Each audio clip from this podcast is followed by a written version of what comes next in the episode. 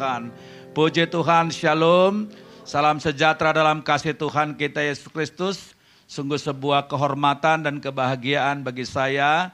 Terima kasih untuk Pak Ishak dan juga tim pengembalaan yang luar biasa yang sudah memberikan waktu bagi saya untuk boleh berbagi firman Tuhan pada sesi ini. Terima kasih saudara-saudara yang dikasih Tuhan. Perkenalkan nama saya Junifrius Gultom.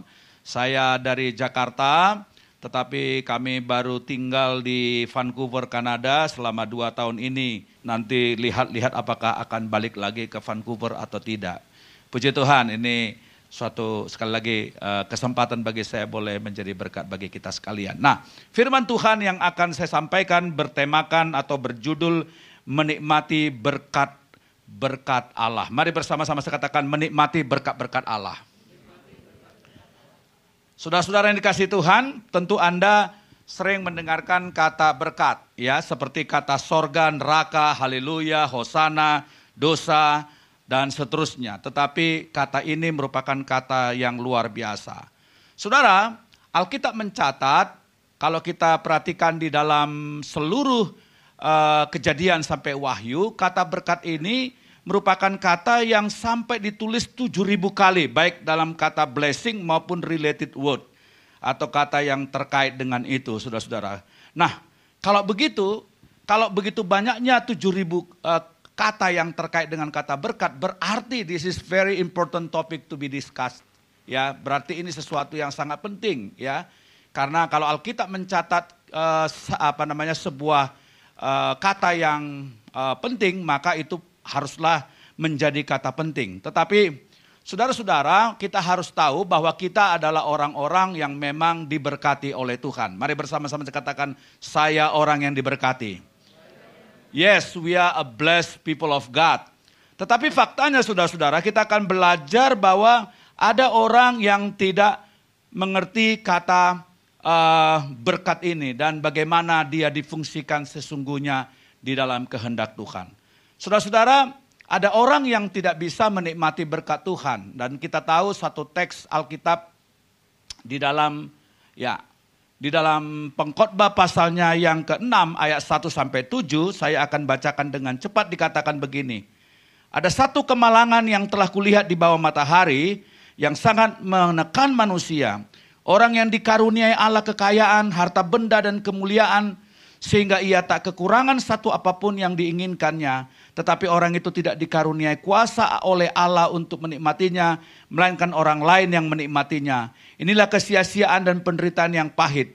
Jika orang memperoleh seratus anak dan hidup lama sampai mencapai umur panjang tetapi ia tidak puas dengan kesenangan, bahkan tidak mendapat penguburan, kataku anak gugur lebih baik daripada orang ini.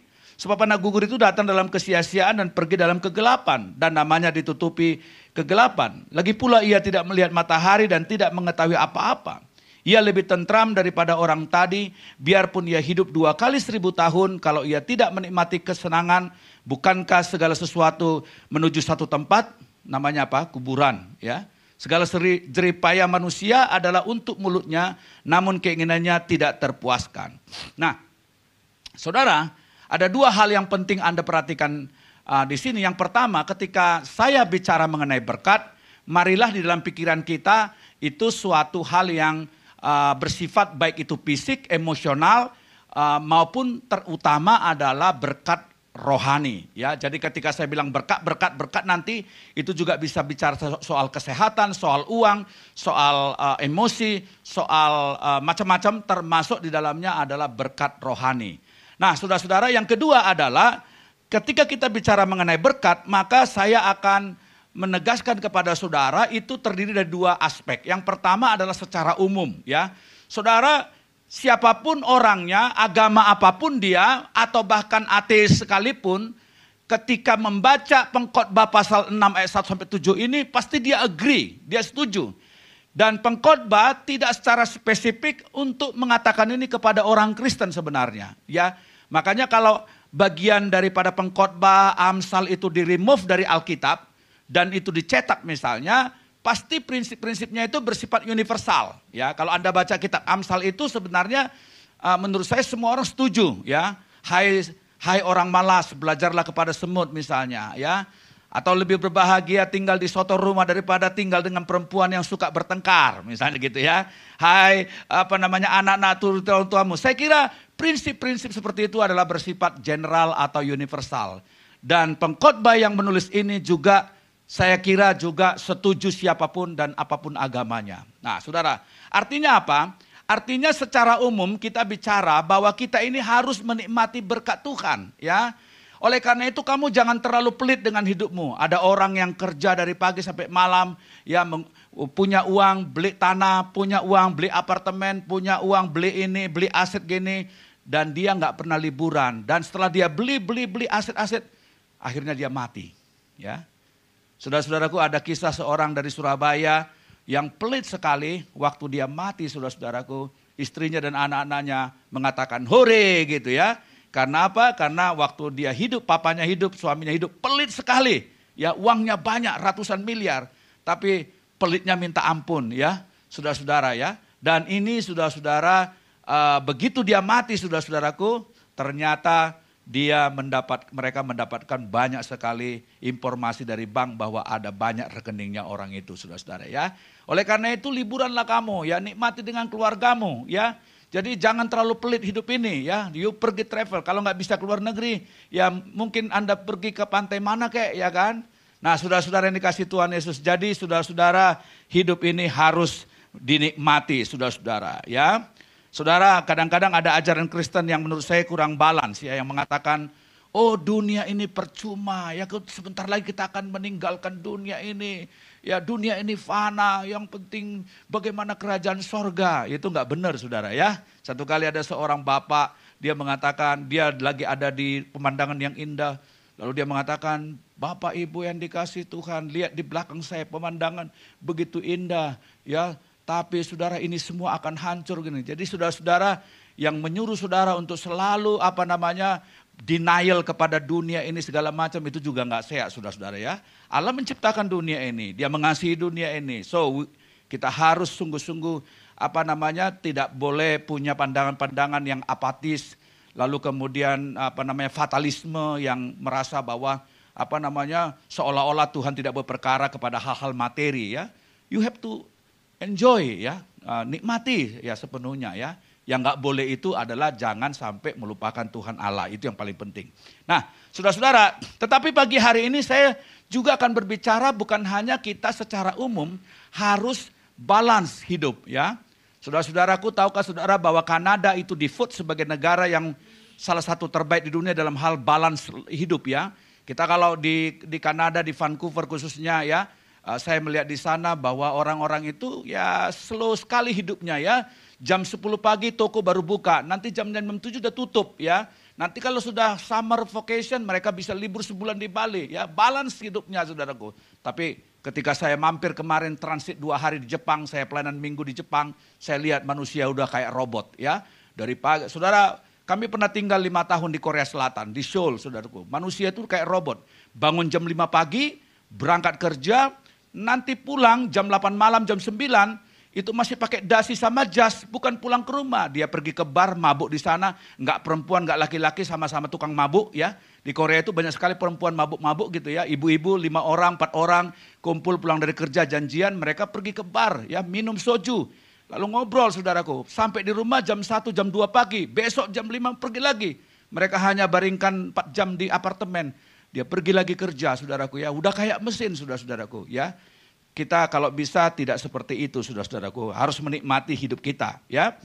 Nah saudara-saudara yang dikasih Tuhan, tetapi pagi hari ini saya tidak hanya berbicara tentang menikmati berkat dari aspek uh, apa namanya katakanlah secara secara universal, tapi saya ingin spesifik juga bagaimana kita menikmati berkat dari perspektif Tuhan. Nah ini lebih spesifik, how do enjoy ya the blessing of God.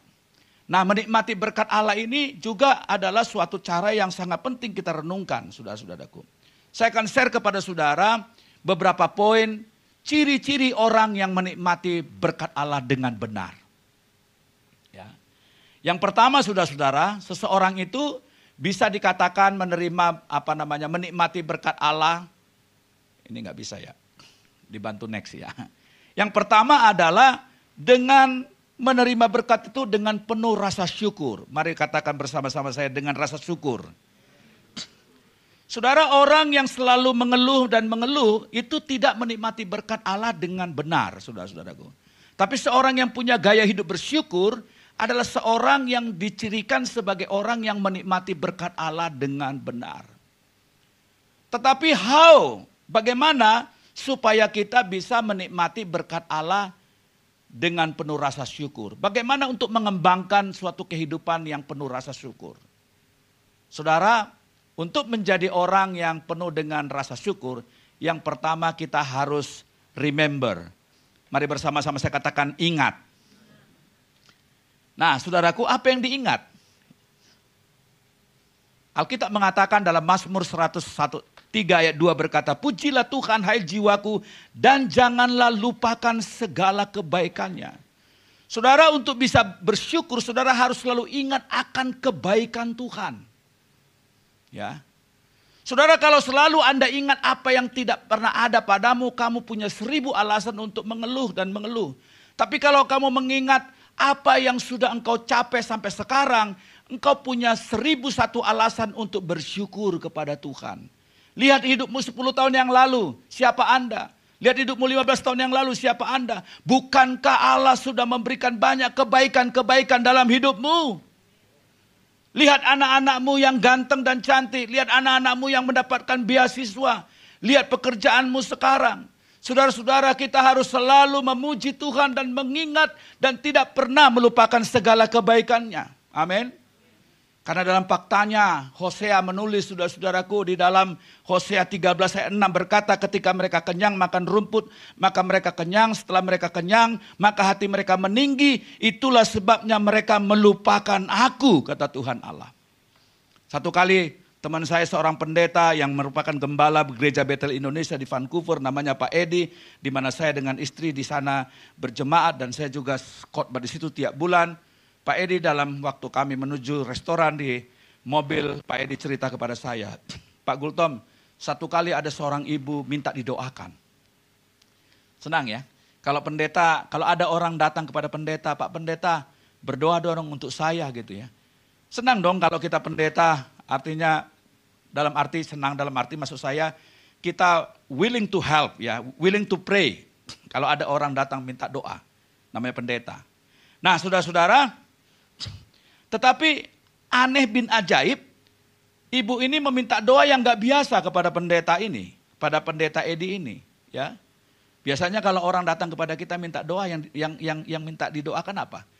Misalnya, Pak Pendeta doakan dong supaya usaha saya sukses, Doakan dong supaya saya dapat jodoh, doakan dong supaya penyakit saya sembuh, dan seterusnya. ya. Tapi alangkah kagetnya Pak, e, Pak Pendeta Edi ini, ibu ini berkata, Pak Pendeta, saya mohon doa. Apa doanya? Tolong Pak Pendeta doakan supaya kami bangkrut dan miskin. Tuh, kaget. Kira-kira kalau ada pendeta datang orang minta doa supaya didoakan celaka, kira-kira Anda mau doa nggak? Nggak mau toh? Heran kan? Satu-satunya pendeta yang tidak yang berdoa supaya jangan tambah jemaatnya adalah pendeta yang melayani di penjara. Dia tidak pernah berdoa, Tuhan tambahkanlah jemaat di gereja penjara ini, enggak. Malah dia berdoanya apa? Supaya semakin berkurang jemaat itu di situ. Kan gitu kan? Itu khusus ya. Nah saudara-saudara, apa soal kenapa ibu ini minta doa seperti itu? Rupanya ibu ini dulu adalah, ah, ibu ini adalah keluarga yang kaya raya. Lalu menikahlah dia dengan seorang laki-laki yang tanda petik miskin, nggak punya apa-apa. Mertuanya senang, habis menikah di sekolah kalau menantunya ini ke Amerika sampai MBA, pulang diserahin perusahaan-perusahaannya sama mertuanya. Kaya sudah saudaraku. Tetapi begitu dia kaya, dia mulai sering tinggalkan keluarga. Dia udah main perempuan, dia udah mulai selingkuh. Dia sudah nggak peduli Tuhan lagi. Dia nggak pernah ke gereja lagi Istrinya mengalami penderitaan batin dengan anak-anaknya. Dan dia berpikir waktu kami masih waktu dia masih miskin, belum punya apa-apa, dia begitu dekat dengan keluarga, mengasihi Tuhan. Jadi Pak Pendeta doakan supaya kami miskin, supaya suami saya kembali kepada Tuhan. Bilang orang di sebelahmu, kalau bisa kamu jangan seperti itu, bilang sama sebelahmu. Amin. Puji Tuhan. Jadi saudara-saudara untuk selalu bersyukur kita harus selalu apa? Eleng, ingat. Ingat akan segala kebaikan Tuhan. Yang kedua, untuk mempunyai rasa syukur kepada Tuhan kita harus mengaku, confess. Mari bersama-sama saya katakan mengaku. Bukan hanya remember tapi juga confess. Amsal 3 ayat 6 berkata begini, Akuilah dia dalam lakumu, maka ia akan meluruskan jalanmu. Confess saudaraku. Ya, Bagaimana itu orang yang bersyukur itu selalu dicirikan dengan mengaku. Begini. Eh, Bu, saya dengar anaknya ibu dapat beasiswa ya. Dia akan berkata, puji Tuhan itu semua karena anugerah Tuhan. Tapi orang yang sombong berkata, siapa dulu mamanya? Mamanya memang udah pinter dari dulu. Ya. Eh pak, ibu, saya dengar kalian dapat promosi jabatan ya. Semua itu karena Tuhan. Orang yang selalu bersyukur selalu mengembalikan kredit itu kepada Tuhan. Dia mengaku bahwa ini semua karena Tuhan. Semua karena anugerah Tuhan. Aku tidak ada apa pun kredit di situ. Itulah seorang yang selalu bersyukur, yang selalu mengembalikan kemuliaan kepada Tuhan. Mengakui dalam jalan-jalan kita bahwa dialah yang menjadi sumber dari segala kebaikan. Satu kali saya drive anak saya ke sekolah, tapi long time ago waktu dia masih SD. Ya. Rupanya dia uring-uringan, aku nyetir dia di sebelah uring-uringan karena ada mainan yang nggak saya beli kemarin. Au, au, au, au gitu ya. Saya bilang, Brian, nama anak saya Brian yang kedua. Sekarang udah mahasiswa, tapi waktu itu SD. Brian, kenapa kamu komplain terus? Saya bilang, kamu harus bersyukur nak. Dulu papamu ini sekolah SD, itu berjalan berkilo-kilometer di kampung. Celanaku itu setahun sekali belum tentu ganti. Ya dulu kalau putus sletingnya itu diikat sama karet. Buku dulu, buku tulis itu kalau dia udah apa namanya salah itu dihapus, penghapusnya itu habis itu pakai karet, digesek-gesek sampai bolong bukunya. Sepatu itu sampai sudah punya mangap begini. Jalan berkilo-kilo, naik sepeda turun gunung karena kami itu di pedalaman. Dedi itu di jungle tinggal, miskin sekali. Kamu sekarang di apa yang kurang? Saya mengatakan sama Stil. Kamu sekolah di sekolah internasional yang mahal uang sekolahnya. Makanmu yang the best, kamu pergi ke mall, kamu diantar pakai mobil. Dulu Dedi ini sangat miskin, ya. Tiba-tiba jadi kamu harus bersyukur nak. Tiba-tiba mengagetkan dia jawab begini. That is not my mistake, that is not my fault. Itu bukan kesalahan saya katanya. Jadi kalau kau miskin itu salahmu sendiri. Ya dia bilang. Berarti I am better dong dan kamu ya. Dia mengatakan itu kan blessing saya. Iya memang blessing kamu. Tapi kamu kok dikit-dikit mengeluh, dikit-dikit mengeluh. Jangan begitu nak gitu ya. Nah saudara-saudara yang dikasih Tuhan. Bangsa Israel punya cara waktu mereka remember sama confess terhadap kebaikan Tuhan. Dalam dalam Hosea pasal yang keempat ayatnya 6 4 sampai 7 berkata begini, menarik. Lalu Yosua memanggil kedua belas orang yang ditetapkannya dari orang Israel itu seorang dari yang tiap-tiap suku. Dan Yosua berkata kepada mereka, menyeberanglah di depan tabut Tuhan Alamu ke tengah-tengah sungai Yordan dan angkatlah masing-masing sebuah batu ke atas bahumu menurut bilangan suku orang Israel supaya ini menjadi tanda. Mari bersama-sama saya katakan menjadi tanda. Di tengah-tengah kami, jika anak-anakmu, cucumu bertanya nanti, Dedi, Mami, uh, Opung, apa namanya, Engkong, apakah artinya batu-batu ini bagi kamu? Maka haruslah kamu jawab kepada mereka bahwa air sungai Yordan terputus di depan tabut perjanjian Tuhan. Ketika tabut itu menyeberangi sungai Yordan, air sungai Yordan itu terputus. Sebab itu batu-batu ini akan menjadi tanda peringatan. Mari bersama-sama saya katakan tanda peringatan bagi Israel untuk selama-lamanya. Jadi saudara, bangsa Israel itu ketika dia mau bersyukur mengingat kebaikan Tuhan, biasanya mereka lakukan dua hal. Yang pertama mereka membuat mezbah untuk bersyukur kepada Tuhan. Karena Tuhan telah membela, membawa mereka keluar dari Mesir, me, apa namanya membuat mujizat sungai Yordan yang terputus, apa namanya laut mati dan segalanya segalanya, mereka membuat dupa persembahan. Yang kedua, mereka membuat prasasti batu. Batu dibuat. Supaya kelak anak-anak mereka berkata ini apa artinya? Oh ini dulu nenek moyang kita ditolong oleh Tuhan. Saudara-saudara kita harus punya sesuatu yang memorable di gereja ini dalam hidup kita. Untuk mengingat kebaikan Tuhan. Bukan soal besarnya. Saya adalah pejabat dari GBI Petamburan, Jakarta Pusat. Di depan gereja kami itu ada piano yang besar sekali. Setiap kali kita mengingat itu, kita mengingat sebuah keluarga yang bersyukur kepada Tuhan dan mendedikasikan piano itu sebagai rasa syukurnya mengingat kebaikan Tuhan. Waktu saya khotbah di Persekutuan Indonesia dan Katolik di Kedutaan Besar Indonesia di London, waktu kami masih tinggal di Oxford pada waktu itu, saya dipanggil untuk khotbah di, di, di persekutuan itu. Waktu saya mau keluar ambil bus ke arah Oxford, saya melewati taman kecil, di situ ada kuda, uh, patung kuda maksud saya, di situ gajah, lalu kemudian di situ ada tulisan prasasti yang menuliskan, ya kurang lebih seperti ini, tentu bahasa Inggris bukan bahasa Jawa ya. Tulisannya bahwa monumen ini serta taman ini didedikasikan untuk mengingat akan jasa-jasa para binatang. Wah wow, binatang saudara ya. Maksudnya waktu itu saya lupa tahun berapa Inggris itu berperang. Rupanya waktu Inggris berperang dulu, itu untuk membawa Meriam dan logistik itu ke gunung-gunung itu dikerahkan kuda sama kuda sama gajah saudaraku. Dan tidak sedikit kuda-kuda dan gajah ini mati kena Meriam sama kena ranjau. Jadi untuk mengingat jasa-jasa uh, gajah dan kuda yang berperang untuk pasukan Inggris ini, dibuatlah monumen itu nggak jauh dari, berapa meter dari kedutaan besar Indonesia di London. Nggak tahu apakah tamannya masih ada sampai sekarang, itu long time ago. Nah saudara-saudara, lalu waktu saya naik bus, saya seperti diberi rema oleh Tuhan. Junifrius lihat itu, binatang aja mempunyai sesuatu yang memorable, yang diingat. Apakah kau punya legacy yang diingat oleh Tuhan Allah? Apakah engkau punya sesuatu yang memorable? Tahun 1980-an, ada sepasangan suami istri yang kaya, bernama Abraham Nathan. Dia tidak punya anak, dan dia berdoa dan lama tidak punya anak dan keluarga ini berdoa dan bernasar kepada Tuhan. Dia berkata, Tuhan, kalau engkau berikan aku seorang anak, maka aku akan mendirikan sebuah yayasan. Dan saya akan mendedikasikan 30% dana dari keuntungan perusahaan saya ini untuk gospel cause, untuk ke pekerjaan-pekerjaan kerajaan Allah, membantu beasiswa anak-anak yang gak mampu, memberikan beasiswa untuk jadi calon pendeta, dan sekolah teologi, sekolah Alkitab dan juga membangun gereja di kampung-kampung. Dan Tuhan dengar nasarnya, Tuhan memberi seorang anak kepada Pak Nathan, Abraham Nathan ini. Saudara tahu perusahaannya bernama apa?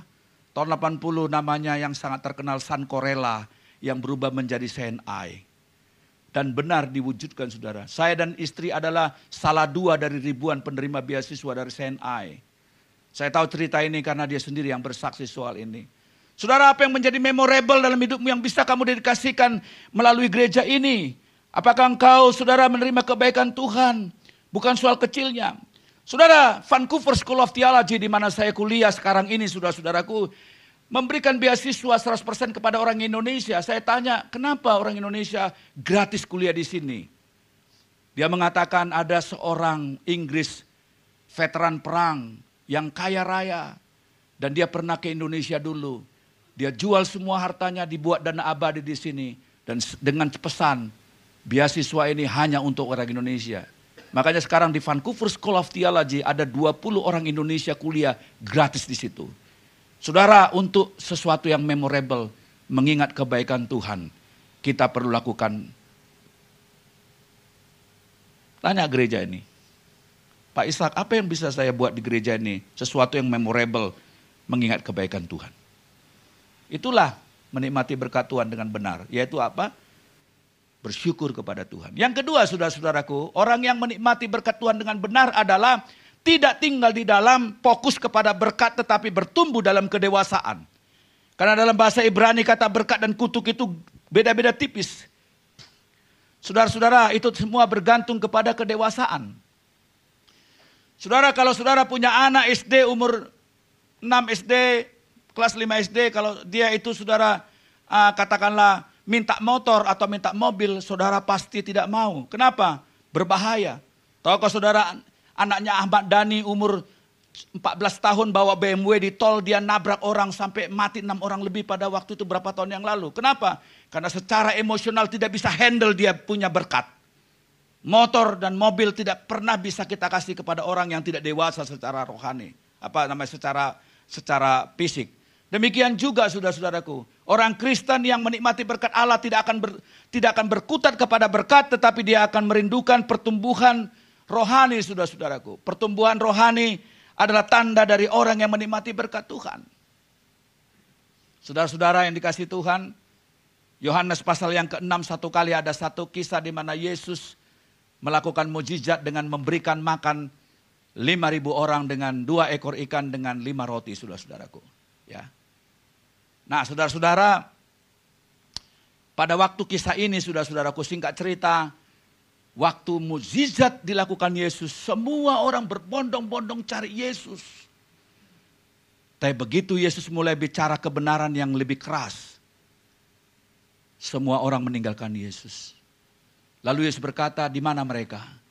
Habis guru perkataanmu keras, tidak ada seorang pun yang mampu mengikut engkau. Lalu Yesus berkata, jangan fokus kepada man dan roti ini, tapi bekerjalah kepada roti yang tidak dapat binasa yaitu roti hidup. Bekerjalah bagi kehendak Allah.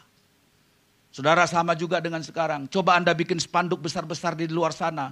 Hadirilah KKR, kebaktian kebun rohani, pendeta Junifirus Gultom yang sudah mengusir ribuan setan, menyembuhkan yang tuli, buta, yang kurapan, yang panuan gitu. Ya. Pasti nanti kursi ini nggak akan muat. Ya. Malah tambah di luar sana. Tapi coba kalau gereja punya pengumuman, hari Rabu saudara ada kelas pemuritan. Berapa orang yang datang? Sedikit, ya. Kenapa? Karena orang hanya suka mujizat, nggak suka bertumbuh, saudara. Dia hanya suka berkat. Perhatikan cilakanya lagu-lagu rohani sekarang itu self-centered. Ya, Anda harus peka memilih lagu-lagu rohani di gereja. Lagu-lagu rohani sekarang itu hanya self-center kebanyakan. Berkati aku Tuhan, jamah aku Tuhan, urapi aku Tuhan, pulihkan aku Tuhan, aku Tuhan, aku Tuhan. Doanya juga begitu. Ya. Berapa banyak kita mengagungkan Tuhan? Tidak self-center. Berapa banyak kita berkata, Tuhan, engkau telah terlalu baik bagi saya. Tell me, apa yang harus kulakukan bagi kerajaan Allah. Nah itu orang yang menikmati berkat saudara-saudara. Ya.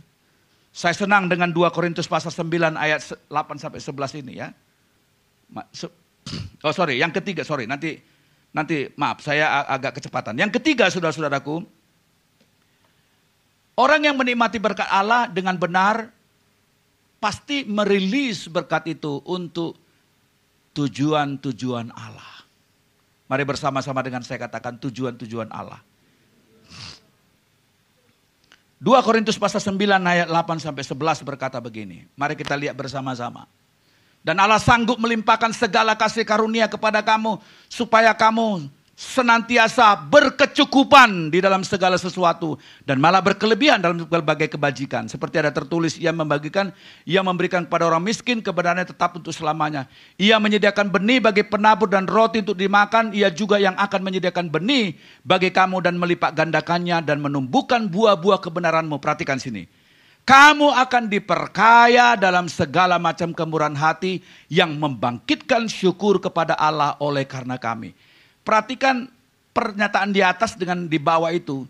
Kamu senantiasa berkecukupan, tapi dengan tujuan supaya kamu diperkaya di dalam kemurahan hati. Mari bersama-sama kita katakan kemurahan hati.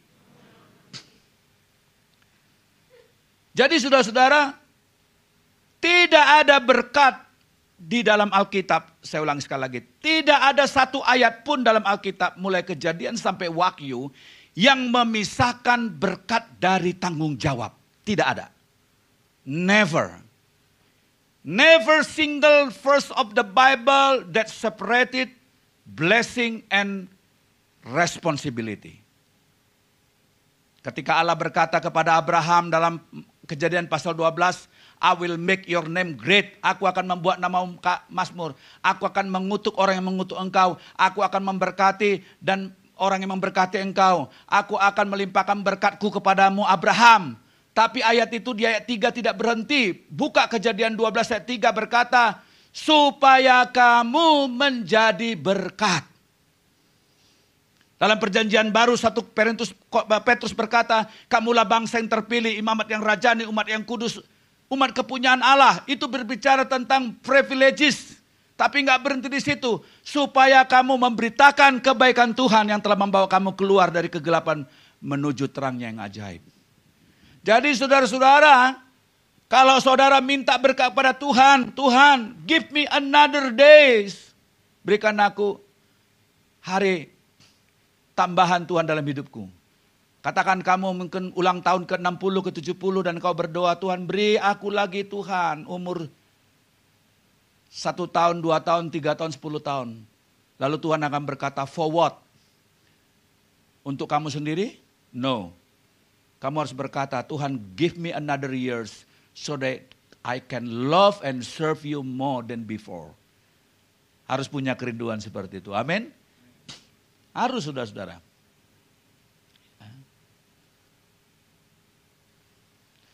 Saudara, setidaknya ada tiga tujuan dari berkat Tuhan. Ya, dengan cepat. Yang pertama, saudara-saudara, adalah untuk edify, membangun, saudara-saudara ya. Tujuan berkat itu adalah untuk membangun kita. Ya. Membangun artinya itu artinya itu begini saudara-saudara ya membangkitkan rasa syukur tadi. Bukankah kalau Tuhan memberkati kita lalu kita merasa iman kita dikuatkan. Oh ternyata Tuhan itu masih hidup. Oh ternyata Tuhan itu ada. Doaku dijawab. Jadi tujuan berkat Tuhan itu adalah apa? Menjadi ucapan syukur kita. Pengakuan kita, kesaksian kita. Strengthen our faith. Menguatkan iman kita. Dan kita mengatakan Tuhan ternyata ada. Ternyata Tuhan menjawab doa. Ternyata dia adalah pengharapan yang tidak pernah meninggalkan saya sendiri. Itulah tujuan mengapa Tuhan memberkati engkau. Saya nggak punya waktu untuk bersaksi. Saya mempunyai banyak sekali kesaksian-kesaksian hidup saya. Yang dulu tinggal di hutan, makan susah. Di kampung kami kalau ada keluarga yang bisa menyekolahkan anaknya sampai SMA sudah termasuk kaya Anak papa saya dan mama saya nggak banyak saudara, kami hanya tujuh orang. Ya, enam laki-laki sama satu cewek. Semua kami bisa kuliah saudaraku. Siapa yang membuat itu kalau bukan karena Tuhan? Kesaksian-kesaksian perjalanan hidup saya itu banyak sekali melihat apa yang tidak pernah dilihat oleh mata. Apa yang tidak didengar oleh telinga dijadikan oleh Tuhan. Banyak sekali pembelaan-pembelaan Tuhan. Dan itu strengthen, edify us. Ya, itulah tujuan berkat Tuhan. Yang kedua tujuan berkat Tuhan adalah apa? Untuk memuliakan Tuhan melalui tadi yang saya jelaskan tadi. Banyak pekerjaan-pekerjaan Tuhan yang membutuhkan topangan dari kita semua. Ya. Ambillah bagian-bagian dalam gereja ini apa yang bisa engkau perbuat. Kadang-kadang ada orang secara salah berkata begini, melayani itu kan nggak hanya di gereja, dalam pekerjaan saya juga melayani Tuhan. Betul. Nggak salah itu pernyataan itu. Ya. Tapi saya mau katakan pada saudara, itu bukan kebenaran yang penuh. Karena Paulus juga bicara mengenai pelayanan di gereja dalam apa namanya? membangun tubuh Kristus. Jadi orang yang melayani di luar dalam profesinya tidak boleh meniadakan tanggung jawab melayani di gereja. Sebaliknya orang yang aktif di gereja tidak boleh meniadakan tanggung jawabnya melayani di profesinya. Jadi dua hal ini dicakup dalam perjanjian baru. Tidak saling meniadakan.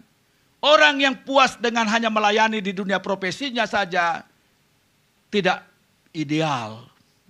Orang yang hanya melayani di gereja saja tapi tidak menjadi berkat dalam profesinya, tidak takut akan Tuhan di bidang politik, ekonomi atau apa pun engkau pekerjaanmu juga enggak benar. Jadi dua-dua ini harus sejalan untuk kemuliaan Tuhan. Dan yang terakhir adalah apa? Yaitu kita punya berkat dari Tuhan untuk elevate others, untuk mengangkat orang lain.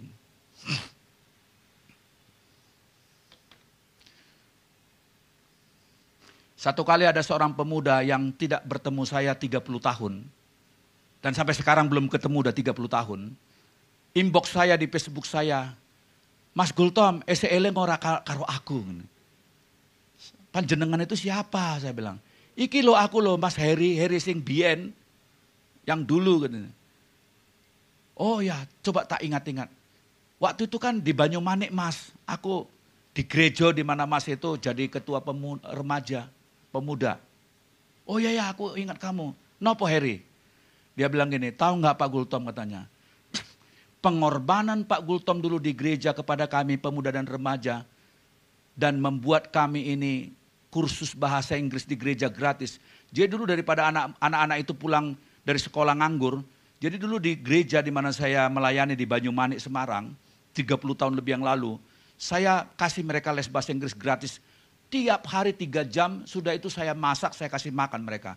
Ternyata salah satunya itu Mas Heri. Mas Herinya bilang gini, Mas tahu nggak katanya, saya ini sekarang guru bahasa Inggris di SM, SMK Negeri di Semarang. Saya tamatan S1 bahasa Inggris dari Undip. Sesuatu yang dulu saya nol putul nggak bisa bahasa Inggris. Tapi Mas Gultom lah yang merubah hidup saya karena Mas Gultom sacrifice memberikan les bahasa Inggris sehingga saya bisa da, orang Jawa bilang dadi uang. Jadi kalau orang berhasil itu dalam bahasa, bahasa Jawanya itu sekarang kamu jadi udah jadi orang ya gitu. Nggak tahu dulu jadi apa gitu ya. Yang jelas bukan jadi monyet ya. Saya bilang, eh saya kiki jadi uang ya gitu. Itu artinya kamu udah berhasil ya gitu ya. Nah saudara-saudara contoh saudara-saudaraku bahwa uh, saya percaya bahwa tidak ada yang bisa apa namanya daripada kita hidup hanya egois. Pertama-tama yang penting Anda elevate adalah atau Anda angkat adalah keluarga dekatmu ya. Kalau kau punya keluarga-keluarga yang masih miskin, masih apa segala macam, jadilah berkat. Angkat hidup mereka. Usahakan untuk kamu harus terkenal orang baik di keluargamu. Ya. Waktu saya menikah dulu dengan istri saya, hampir seluruh keluarga istri saya dulu benci sama saya, nggak suka. Dan menghalangi istri saya untuk jangan menikah dengan Junifrius. Ngapain kau menikah sama Junifrius yang karismatik itu, yang kalau doa nangis-nangis, haleluya, haleluya. Itu penginjil yang gak ada gajinya itu. Nanti kau makan batu gitu saudara. Sama istri saya, mereka underestimate semua. Tapi sebagai menantu, sebagai apa ipar dari dan macam-macam dari oleh anugerah Tuhan saya boleh buktikan setelah saya menikah 26 tahun sama istri saya, istri saya nggak pernah makan batu, saudara. Kalau makan batu mungkin saya akan lari tunggang langgang karena giginya keras, saudara ya. Tapi juga mereka sangat terkesan dengan kehidupan saya, karena apa? Karena saya selalu memberkati mereka. Menyekolahkan anak-anaknya mereka. Memberi ansuransi kepada mertua saya. Saya transfer tiap bulan. Saya tolong mereka. Saya orang yang paling cepat untuk ringan tangan menolong mereka. Di keluarga ipar-ipar saya, oleh anugerah Tuhan, Junifrius adalah orang yang baik. Saudara, Anda harus terkenal menjadi orang baik karena Tuhan telah memberkati engkau. Kesimpulan firman Tuhan pada hari ini adalah ingat, kalau saudara mau menikmati berkat-berkat Tuhan dengan cara benar, tiga hal ini harus kita praktekkan. Yaitu apa? Yang pertama, menerima berkat itu dengan hati penuh syukur. Yang kedua, menghandle berkat itu dengan fokus kepada pertumbuhan kedewasaan. Dan yang terakhir, bagaimana berkat itu dilepaskan untuk memenuhi tujuan-tujuan Allah. Beri kepada Tuhan kita kemuliaan Allah. Haleluya.